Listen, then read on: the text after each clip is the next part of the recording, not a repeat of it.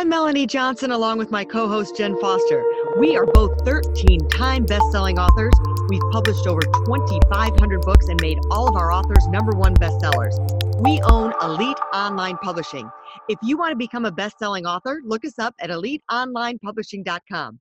Now, welcome to the podcast that shares secrets from top industry experts that show you how to get lasting success and results.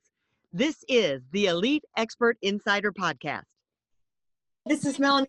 Welcome for another great podcast here. Of course, we always have information that's going to inspire you, uh, motivate you, and educate you. And today we have, my opinion, the ultimate leader of a corporation.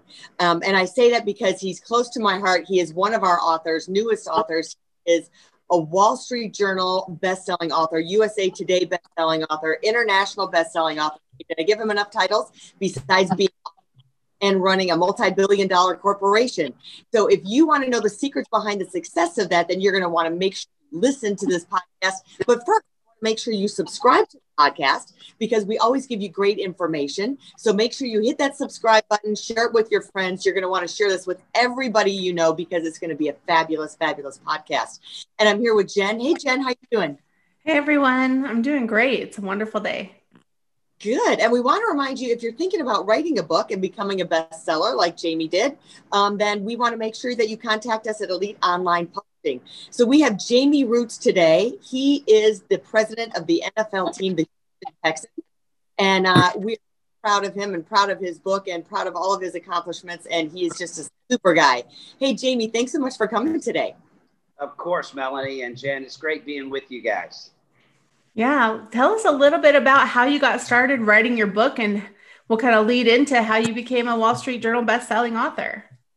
Well, the uh, people ask me, you know, so uh, how long you've been working on the book, and really, it's about 35 years that I've been working on it. But uh, in terms of producing the book, it's been it's been it was about eight months. I've tried. I, I, I was a failed author about 10 or 12 times. So I sat down, I wrote an outline, etc. I'll tell you, just being quite honest, uh, uh, Jen and Melanie, until I met you guys, I never felt comfortable that I would be able to complete a book. And as you know, my greatest concern was that it would be terrible. And with y'all's help, it actually turned out to be pretty, uh, pretty special. I think it's a story that uh, the world needs to hear.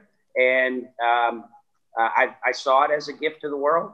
I never cared whether anybody bought it or not. I wanted to have it down on paper, but fortunately, it has been received really uh, exceptionally well. And, and, all of the proceeds go to charity, our uh, uh, Houston Texans Foundation, the Champions for, uh, for Youth initiatives, which develop the next generation of leaders in our community. So it really has been a tremendous blessing you know, a lot of people want to write a book and then never get to it, which I'm so glad that we connected and you got over that hump. And uh, Jamie used to say, I just don't want it to be crap. And I'm like, it's not going to be crap. I guarantee you, it's not going to be crap. It's going to be fantastic. Um, and then you asked me a question along the way, like, what do you think this book will do for me or has done for me? But I want you to ask that question.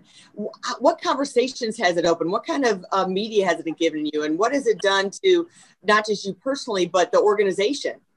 Well, I think everybody on the planet has a book to write, mm-hmm. but very few people take the leap to do it. Even though there are millions and millions of books out there, very few people take the time to, in a very uh, concise way, communicate their perspective on the world. And mm-hmm. I think that puts you in a different class. It's kind of like when you see Jim Nantz uh, calling a, a, golf event or an NFL game. You know, he's at a different level. You know, yeah. and you I could never get there, but you probably can if you were to apply yourself. And so I just encourage anybody who's thinking about it to, uh, you know, give give Melanie a call because she'll give you all the confidence in the world and you'll be able to get it over the line. Awesome. Well, let's dive into some of the content of the book and and some of the things that you teach in the book. You have a few acronyms and a few um, lots of leadership skills and and ideas. So so tell us a little bit about, you know, I think there's the a- acronym IMPACT. Yeah. A little bit about that. I think culture is so important in an organization. And culture is the values of any given set of people. But you can't see values what you see is habits. And in order to develop habits, everybody's got to be crystal clear on what habits we're looking for. Values typically sit on the wall in a corporation, but when you convert them to habits, it's more likely that people know how to execute upon them. And so, M- impact is how we codify the habits that we want our uh, teammates to display more often than not. And it's about over communicating that. So, I'm always talking about impact. I'm always recognizing impact. People who are innovative, memorable, passionate, accountable, courageous, and team oriented. And it's not the perfect plan, but it's our plan. And if you try to be all things to all people, you will wind up with nothing. And so we've chosen IMPACT as the things that we want our folks to do and and and reward it and recognize it at every turn and that's one of my favorite acronyms that you have impact. I mean it's and it's towards the front of the book so you can get it. Yeah i mean it's one of the things that really hits you home right away. Um, and you talk about passion a lot um, in a lot of your acronyms. So why is passion important? And, and break that down for us the passion that goes into culture and everything else. So when i was a kid going to church i would always hear about the passion of the christ.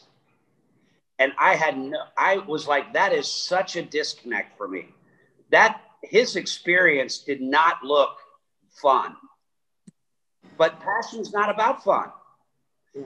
Passion, the root word is P A T I. It's a Latin word, pati, which means the willingness to suffer and sacrifice for what you hold dear. That's where passion lies. Because if you're going to do big things, important things, you are going to suffer. You are going to sacrifice a lot. And so you, it better be worth it to you.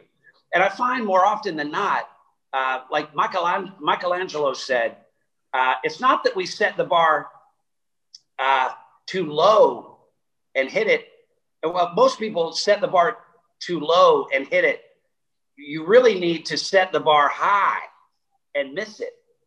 Mm. Something so important to you that you would give up your life for it. That that's the kind of desire that you need to really be great. Yeah, I really like that too because you know you can set your bar so high, and even if you miss it, you went higher than you, what you would have set, right? Because you always uh, try and achieve. You're getting higher and higher. So I love that. Yeah, and I think all the information you're giving is really good uh, for companies, but I said this in the introduction. It's good for parents. It's good for relationships. I mean, so this crosses the board of of all of that. One of my favorite things, Jamie, that about is adversity and success. And I don't want to give the the punchline away because you know it's you're thinking one is worse than the other. So talk about your philosophy on adversity and success. Well, the, fortunately for me, I've spent 20 years in the National Football League, five years in Major League Soccer, but the football experience has really been the most um, the most condensed, if you will. I mean, it's just really intense every day, and uh, it's like you live a life every season. Every week, you're either dealing with adversity or you're trying to handle success, depending on how things went on Sunday. And so there are, there really are plays that you can call to handle all adversity and to navigate yourself through success. Adversity is easy because adversity punches you in the face and you have to deal with it. The only question is, do you have the attitude of mind to be able to deal with it? And the four plays are all you need to be able to deal with any adversity in your life. If you will commit to them, you're done. You're good. Success is more difficult. Success doesn't punch you in the face. It's the silent assassin. It just sits in the background and sows the seeds of your destruction unless you take proactive uh, measures. Well, number one, you got to be humble. Always be humble. You never know when you're going to get knocked down again. And so be humble. Never brag. Don't have ego. That's so important. Number two is stay focused on the success habits. It's not about the success itself, because uh, I don't know, I'm not, not sure who said it, so I'll say I said it. If you uh, focus on first things, you get second things. If you focus on second things, you lose both first things and second things. So if you focus on your success versus your success habits, you're done. Mm. You have to stay balanced. And I found in my life, there are periods of time where I really needed to be unbalanced in order to get something accomplished. And that's okay. But there's only a relative relative window that you can be unbalanced and be successful long term. Eventually, you've got to be able to fill the buckets in what I think are the three most important areas of anybody, anyone's life your business, your family, your personal uh, health and well being.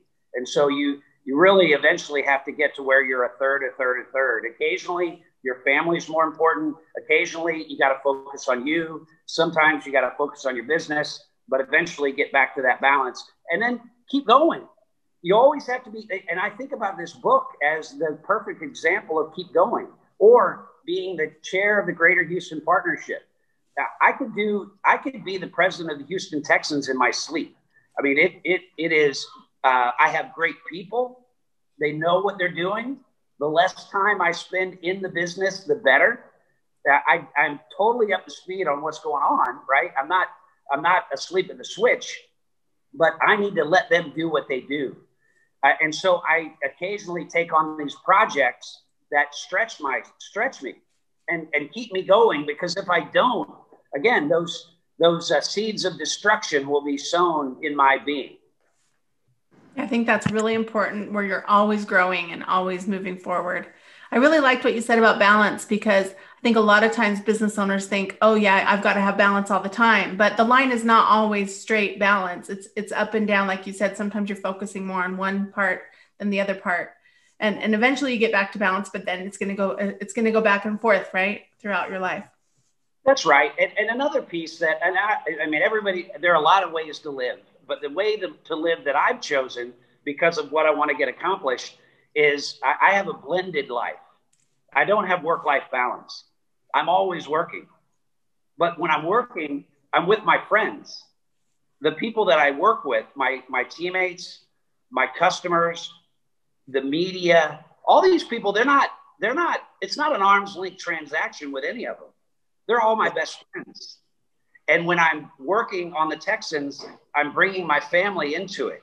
They come to games. We talk about games.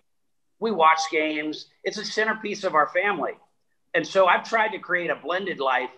I'm not a big believer in work life balance. I don't think you can be maximally successful. Like if you really want to be a huge success, you have to embrace that it's always about the business. But in that, you can create all of the relationships that that uh, enable a meaningful life. That makes so much sense. That makes so much sense, and that's why you're as successful as you are. I think with everything that you do. Well, I'll just give you an example. We went to London last year with our most important clients. And so we flew in and we arrived and we went to the hotel. We were playing the Jacksonville Jaguars at Wembley. And so we gathered everybody. And I said, Look, I believe this with all of my heart that when you're on your deathbed, there are only two things that are going to matter your relationships and the experiences that you've had. And this weekend is about those two things you're going to have experiences that you never thought you would in your lifetime. Me too. And we are going to build relationships that will last a lifetime. And I get to do that because of the role that I'm in with the Texans. I don't, I mean, it isn't about the business, it's about the relationships. Yeah. And how do you, you know, talking like, oh, go ahead, Jen. Oh, I was just going to say, yeah, I think that it's really important to focus on that because a lot of times people are just, you know money driven or they're focused on one thing but to, i've heard that multiple times by many leaders and i love that you stress that point of relationships and experiences because that is what it really comes down to at the end of the day you really have to focus to be successful you got to put focus on the inputs not the outputs mm-hmm.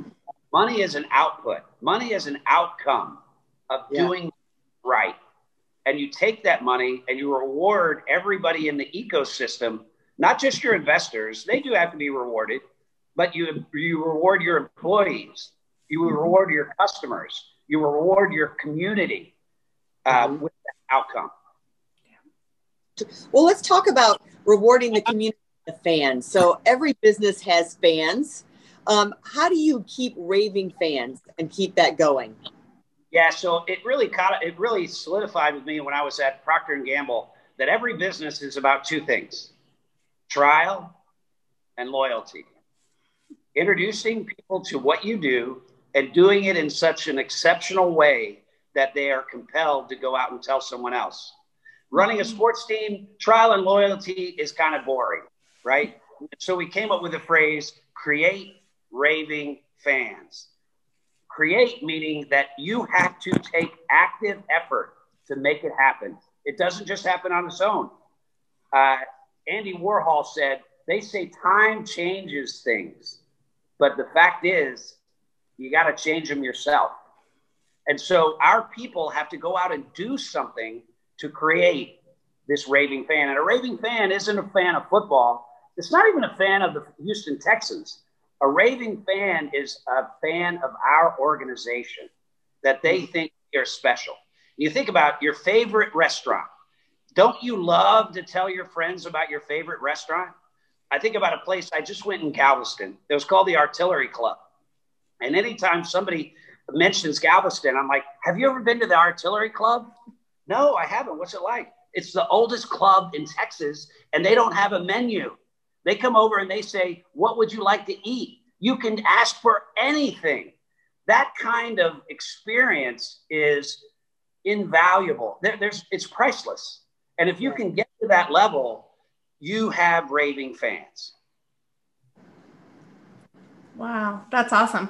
I can't imagine just walking into a restaurant and saying, "What do you want to eat?" That's amazing. I love it. I love well, it. Goes up on your bill at the end of the month, just so you know. yeah, yeah, yeah. So I was gonna uh, talk a little bit about inside your book. Here, you have a lot of pictures as well. So tell us about some of your favorite pictures in there, and and the experience. What maybe one or two of the experiences you had on those on one of those pictures. Well, I'll just give you uh, uh, two of them. One okay. is the picture with uh, with uh, Vanilla Ice. I loved meeting him. I was a huge fan when I was a kid, and he came back and he played at our Liberty Whiteout game. So Vanilla Ice, Liberty Whiteout, it made perfect sense. The cheerleaders were in those baggy uh, kind of hip hop mm-hmm. uh, sweats that uh, that people wore at the time, which was great. The thing that was wonderful about it is I'm there with my family, Melissa, Chris, Caroline, um, just one of you know literally hundreds of games that we enjoyed together, and uh, and so that was really special to me. And another one is Flo Rida.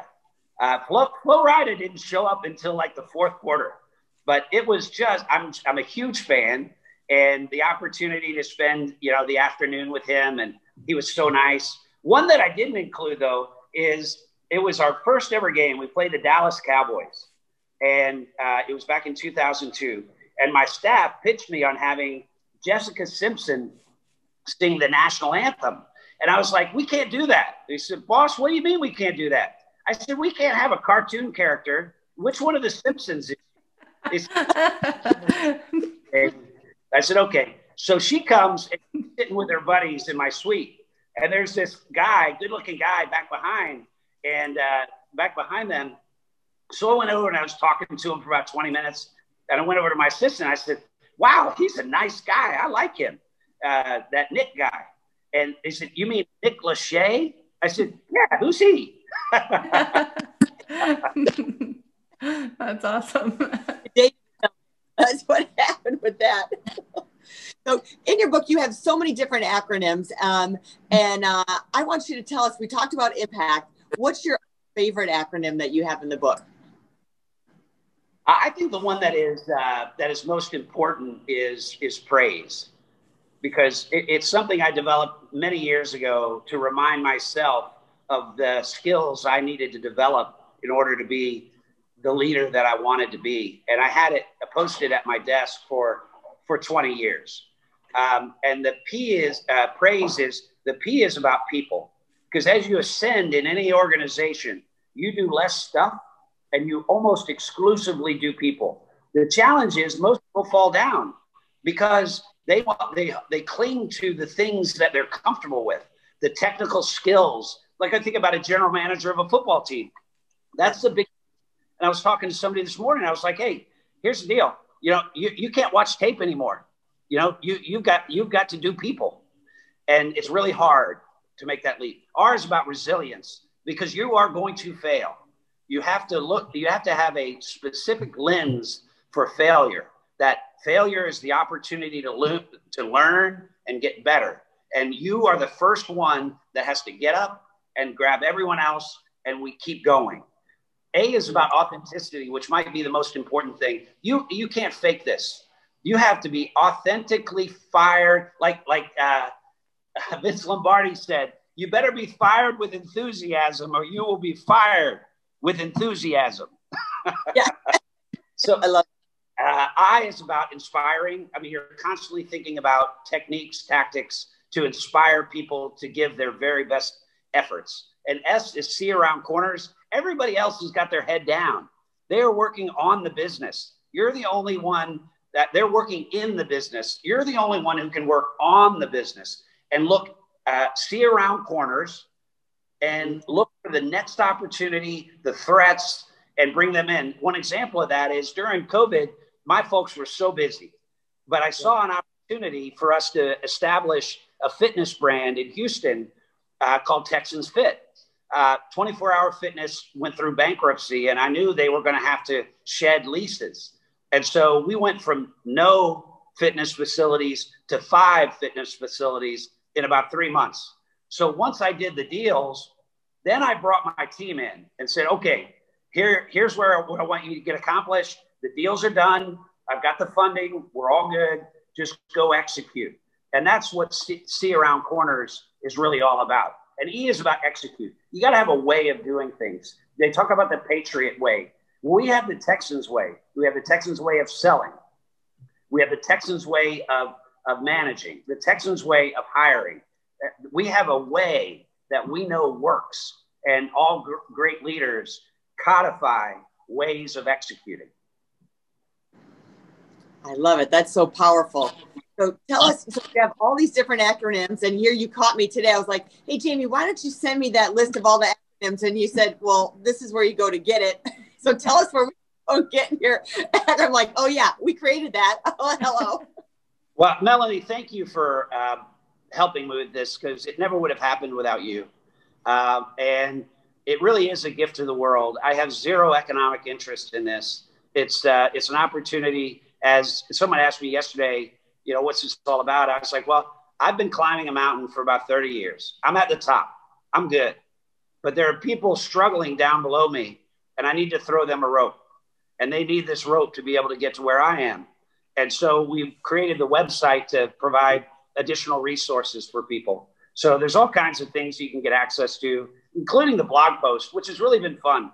Like this morning, I got up and I was like, you know, I love Travis Tritt. I saw him last weekend. There's a song that inspires me. I'm going to give people the chorus to that song. It's just a paragraph. You know, it's something that has really been meaningful to me. There's so, it's just I've been I've been ingesting things for 30 years, and now I'm just spilling them out in hopes that people can be benefited by it. And if you don't want it, that's okay too. I don't. I'm not really concerned, but it's there. Yeah. That's awesome. So people can visit jamierootes.com to get that information. And I also want to touch really quick on your blessings and burden burdens. Um, so inside the book, there's a QR code, and if you get the book, you can um, get that. So tell us a little bit about the blessings and burdens. Yeah, so uh, it's an exercise I developed about 25 years ago. Uh, because people ask me, Jamie, you never have a bad day. My gosh, you're always on fire. I said, Yeah, pretty much. I am on fire. But occasionally in the recesses of my home, I have doubts. I have things that aren't going right. I feel overwhelmed. And when I feel overwhelmed, I'll just pull out a piece of paper. I'll put a line down the middle. On the left side, I'll put blessings. On the right side, I'll put burdens. I start with the blessings and I try to be as expansive as I possibly can. I've been incredibly blessed. I've worked for great people, great organizations. I mean, really, uh, cream of the crop. I have a wonderful wife. She's not only beautiful, but she's sweet and supportive, everything I could have ever wanted. I have two children that somehow turned out exceptionally well. And as I tell them all the time, it had zero to do with my, my parenting. They're wonderful. We have a great neighborhood. I live in the United States of America and I would never want to live anywhere else. There's just all these things, and you get about 20 down and you're like, okay, that's pretty cool. What's bothering me? And usually it's one or two things. And then I have to ask myself, uh, do I want to do something about this? I do. I mean, am, am I prepared to resolve it? And if I'm not prepared to resolve it, I've got to dissolve it. It's got to go away. I can't worry about it. Can I control it? If I can't control it, it has to go away. I have to strike it. But if I want to resolve it and I have control over it, I write down the three to five things that I'm going to do the next morning to make progress. I go to bed, I get up, and I start working on those things. And I always feel better. And you are a good writer. Whenever we have meetings, is uh, task goes, you're writing it down, and then you're delegating who's going to do what and what you're going to do, and um, you're really great at doing that. So, well, early on in my career, they called me a macro manager, and I said, "What do you mean I'm a macro manager?" They said, "You put like six people on every to do." so now, even if I have multiple people on a to do, I underline the one that's responsible. So I just think accountability is so important. And the challenge with getting people to accept accountability is really a definitional issue. There's a difference between fault and responsibility. Just because it's your responsibility doesn't mean it was your fault. It doesn't matter whether it's your fault. If it's your responsibility, so I, we don't even say the word fault ever. It's just who's responsible for what. And all of us are, at the end of the day, responsible for everything. Hmm. And, yeah. and, but when you start talking about fault, fault hurts. Fault yeah. is a criticism. Responsibility is empowering. Mm-hmm. And so always try to talk about responsibility. I love it. That's great for kids too. That's another parent. I like that. Incorporate that. Well, thanks so much, Jamie, for being on our show. And for those of you who are listening on um, all the all the audio, and you can go to jamierootes.com to visit and get more information about the book. Yep, definitely pick up his uh, PDFs, get the blessings and burdens from the QR code, and then also go to jamierootes.com, like I did this morning, and downloaded the PDF of all his acronyms and post that on your wall. I highly recommend it. So remember, uh, Jamie, thanks so much for being on the show today. We really appreciate it. Of course, Melanie. Great to see you. Great to see you, Jen. All right. So remember to subscribe to our show because we always have fantastic guests like Jamie Rootes. Um, and if you're looking to do a book and become a best-selling author, contact us at eliteonlinepublishing.com and we'll see you next time. Bye. Hey, are you looking to increase your revenue, build credibility, and elevate your brand? This podcast is brought to you by Elite Online Publishing, an innovative publishing and full spectrum marketing company. They will publish and market your book to make it a number one bestseller. Becoming an author is the best way to market your business. So contact them at eliteonlinepublishing.com today. All of their authors become number one bestsellers.